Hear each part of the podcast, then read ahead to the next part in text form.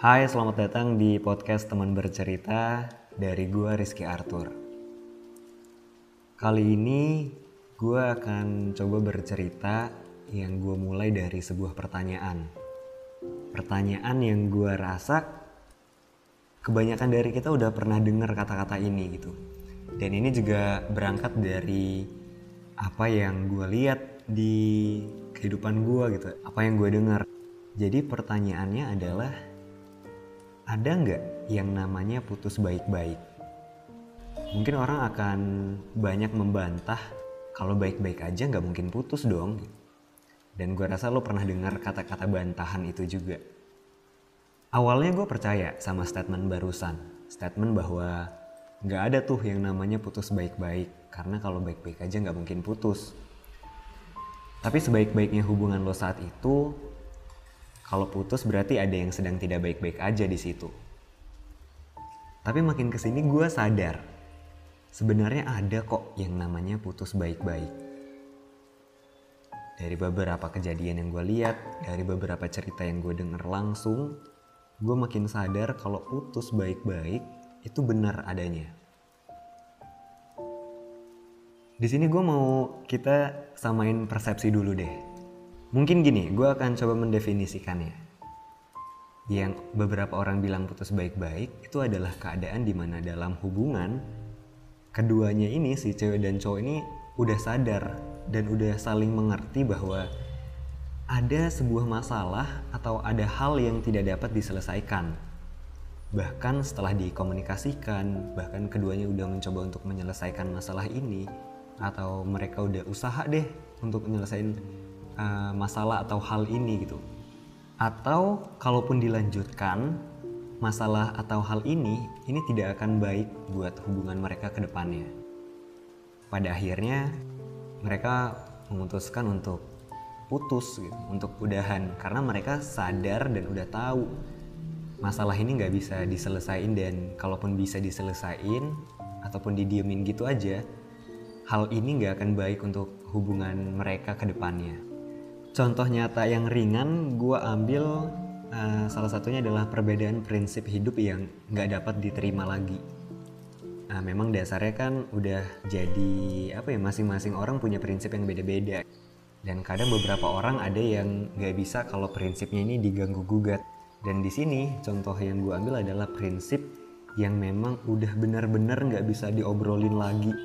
Yang ketika keduanya punya prinsip yang beda, kan ada yang bisa nyamain prinsipnya, saling nurunin egonya untuk kebaikan bersama. Tapi di titik ini contoh yang gue ambil adalah mereka udah nggak bisa nyamain prinsip. Even mereka udah nurunin egonya masing-masing, udah udah mentolerir untuk prinsipnya masing-masing tapi tetap nggak ketemu titik tengahnya. Nah di sini mereka ya terpaksa untuk menyudahi hubungan mereka. Ini contoh yang gue bilang ada putus yang baik-baik.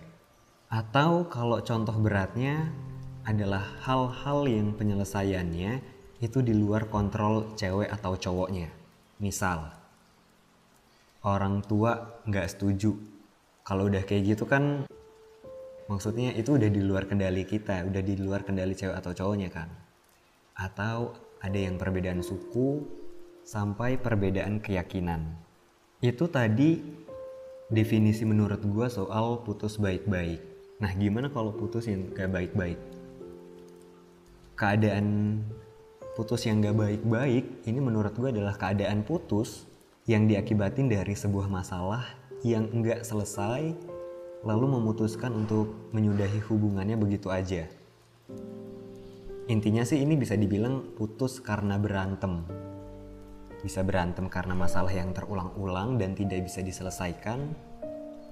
Atau berantem karena ketahuan selingkuh. Atau masalah-masalah lainnya yang sebenarnya bisa diselesaikan sama cewek dan cowoknya. Namun karena emosi sesaat, ya akhirnya ujung-ujungnya putus secara tidak baik-baik.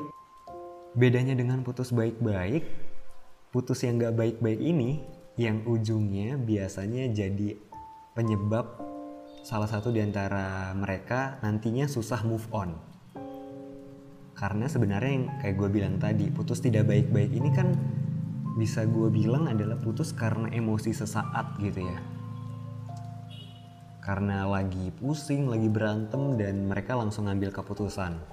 Nah, kalau lo tahu sendiri kan mengambil keputusan dalam keadaan yang emosi stres gitu kan gak baik juga nah akhirnya mereka nanti juga akhirnya merasa menyesal nih udah udah putus dan terlepas dari kata balikan ya ini gue asumsiin putus beneran. Terus juga ya akhirnya menyesal karena menyesal padahal mereka masih sayang ya jadinya susah move on deh ujung-ujungnya.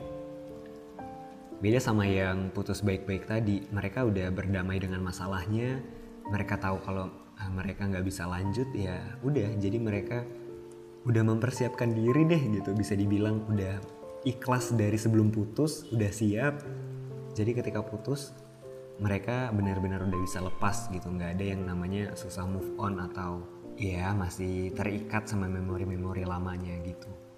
Topik yang gue obrolin barusan soal putus baik-baik ini juga ngerembet setelah gue pikir-pikir bakal ngerembet ke kata-kata mantan terindah.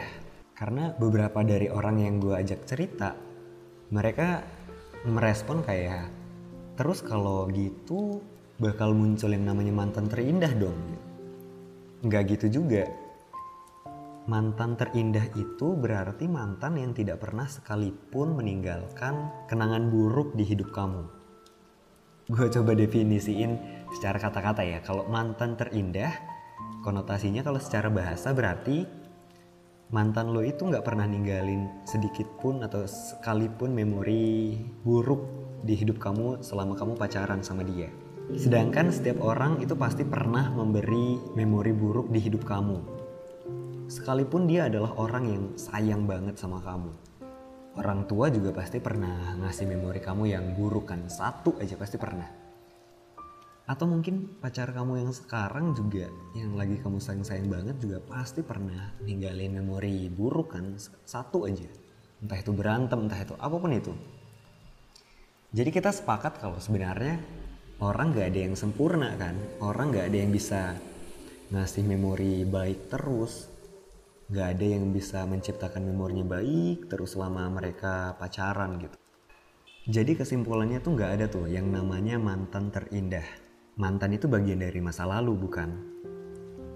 Merupakan bagian dari kenangan-kenangan yang ada di hidup kamu. Kenangan kamu dan dia pun itu pasti ada yang indah dan ada yang tidak. So, intinya sih nggak ada tuh yang namanya mantan terindah. Karena setiap orang yang pernah hadir di hidup kamu, setidaknya dia pernah meninggalkan kenangan indah. Atau mungkin kalau memang mau disebut kenangan indah, mungkin bisa kita sepakatin artinya bahwa mantan yang terindah dari yang pernah ada.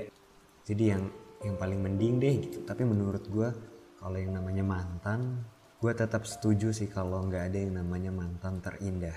Intinya tuh nggak ada yang namanya mantan terindah. Karena setiap orang yang pernah hadir di hidup kamu setidaknya dia pernah meninggalkan kenangan indah cerita barusan itu hasil dari renungan gue setelah entah kesekian kalinya gue dapet gue denger kata-kata soal yang namanya putus baik-baik dan mantan terindah. Sebenarnya bisa dibilang juga gue dulu tuh putus baik-baik sih sama mantan gue dulu. Tapi kayaknya gak usah diceritain ya di sini. Justru buat kamu yang sekarang mungkin lagi nyimpan kegelisahan atau kebingungan atau mungkin punya cerita yang mau dibagi lewat gua di podcast teman bercerita ini email gue terbuka sangat luas untuk menerima cerita kamu semua. Apa pun itu kamu bisa langsung cek aja di profile podcast ini. Di situ ada email gue mau itu kamu rahasiain identitas kamu mau cerita singkat mau panjang lebar kalau memang kamu ngerasa kamu perlu untuk bercerita dan gak tahu harus cerita ke siapa, butuh banget dibagi beban yang kamu simpan sendiri, gue akan sangat senang bisa mendengarkan sekaligus menceritakan cerita dari lo. Gitu aja. Terima kasih sekali lagi. Gue Rizky Arthur dari podcast Teman Bercerita. Sampai jumpa minggu depan.